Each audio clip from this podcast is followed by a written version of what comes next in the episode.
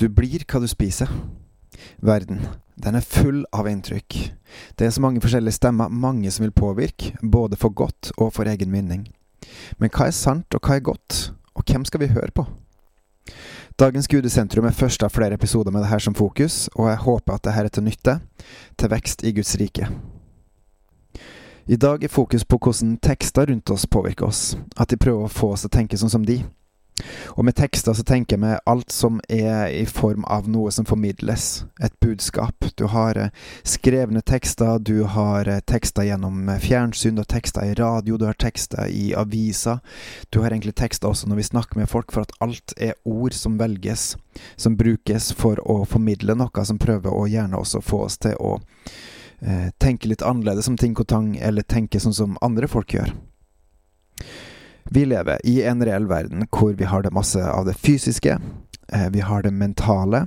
Eh, I det fysiske så har vi selvfølgelig alt vi kan se rundt oss. Eh, også det mentale, det som er i oss mennesker. Og det er veldig vanskelig å vite hva som er hva, og hva som er sant og godt. Og så har vi også relasjoner oss imellom, som heller ikke er noe vi kan sette et standards to streker under. Og så finnes det også en dimle, åndelig dimensjon. Enhver tekstforfatter lever eh, og er påvirka av verden en lever i. Eh, det er veldig stor forskjell på om en person er født i USA, Norge eller Kina. Eh, Dette kan f.eks. påvirke verdensbildet vårt, det kan påvirke verdisynet til den enkelte, holdninger, kulturen og levemåten, og væremåten man er på. Dette kalles da miljø og kan variere ganske mye, men det finnes også noe som er felles, og det er jo at vi alle sammen ønsker, har et ønske om et godt liv. Hvert enkelt menneske blir da altså påvirka av miljøkulturen en vokser opp i, og da kan en både snakke om den nære familien, i lokalsamfunnet eller det større miljøet en lever i, enten et land, eller i dag så er det vel for veldig mange også et eh, globalt perspektiv inni her. Det finnes sykt mange ulike stemmer og meninger, og det er veldig vanskelig å vite hva som er hva. Også her finner du det menneskelige, altså eh, vår naturlige onde natur, det å ville karre til seg, gjerne på andres bekostning, eller til å kjempe fram, eh, koste hva det koste vil, det som man tror er godt, og som er sannheten. Og så er det så mange som tar feil, fordi de kjenner ikke sannheten. Og her har vi en jobb å gjøre, vi som kjenner Gud. Det å dele evangeliet, det gode budskapet som setter fri, som virkelig setter fri videre. Enhver forfatter, ja, ethvert menneske har også et, en fast del gjennom sin eh, individuelle DNA. Sin personlighet. Det er ganske smått utrolig at ingen mennesker er 100 like. Eh, og vi er jo sikkert mer enn ni milliarder mennesker som har levd totalt i løpet av jordas eh, historie. Og så er det ingen som er like. Vi er rett og slett alle unike fordi Gud har skapt oss sånn, og fordi han vil det. Og samtidig, også her har han lagd et mønster, en naturlig måte vi er og utvikler oss på. Noen er født gutter, noen jenter. Noen har løse øreflipper, noen har faste. Noen er naturlig kreative og spontane, noen er gode på orden og struktur. Noen ser fort løsninger på problemer noen andre har, når andre har det vondt. Noen er innadvendte, noen elsker å være med folk, og noen begge deler. Og sammensetninga er så stor, og for hver og en så er en unik. Det finnes bare én av deg og meg crazy fantastisk, skapt av Gud, rett og slett. Det her kaller vi arv, og det er helt unikt for hver og en. Og så påvirker det her også eh, vårt syn på verdensbildet, verdisynet, holdninger og andre ting. Altså for hva jeg og du mener er et godt liv. Hva har så det her med forfattere å gjøre, enten av bok, film, novelle, reklame eller skuespill f.eks.? Jo, de prøver å få oss til å tenke og mene det samme som de. Det her er det altfor mange som ikke er bevisst på, og som lar seg lure. Det gjelder også kristne, eh, og som eh, med det driver med avgudsdyrkelse uten at de vet om det. For hva er det Gud krever i takknemlighet for den friheten han har gitt oss gjennom sitt offer på korset? Jo, at vi følger Han og ikke verden. At vi tror på Han, og da selvfølgelig også Hans ord, og gjør sånn som Han sier og oppdrar oss til, fordi det er godt, fordi det er sannheten. Og gjør vi det Gud sier, da gjør vi godt. Sjøl om vi ikke alltid skjønner alt av det. Tilbake til forfatterne og mitt uh, hovedbudskap i dag. Alle forfattere er prega av sin arv og sitt miljø en har vokst opp i. ingen forfattere er nøytrale, og ingen har 100 rett. Da hadde de jo rett og slett vært Gud. Det er en fyr som heter Gregory Marshall, en professor, tror jeg. Han har utvikla noe som kalles ethical criticism, som jeg kaller på norsk etisk kritikk. Den tar for seg prosessen innenfor enhver tekst som skapes, da med fokus på fiktive tekster. Og da lister han opp tre forskjellige punkter. Det første er at enhver forfatter har et etisk verdisyn. Så når en forfatter eh, ønsker å skrive og lage en fiktiv tekst, så vil det, det her etiske verdisynet ligge bakenfor det den personen skaper. Så det vil alltid være noe sånn grunnleggende som ligger bakenfor, og som preger teksten i veldig, veldig stor grad.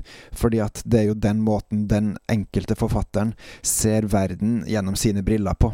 På hva som er sant og godt. Det er nummer én. Nummer to er at enhver tekst prøver å påvirke. Det er noe som gjerne påvirker ubevisst, og så er det også alltid et ønske om å påvirke bevisst. Om å få mottakeren til å tenke at 'å, det her er godt', eller på, eh, prøve å påvirke ens eh, mottakers logikk eller eh, emosjoner, sånn at denne, eh, mottakeren skjønner at 'oi, det her er noe som er viktig, og dette må jeg også gjøre noe med'. Eller eh, endre mine tanker rundt omkring. Så nummer to er altså at enhver tekst prøver å påvirke eh, for å få eh, mottaker til å tenke annerledes.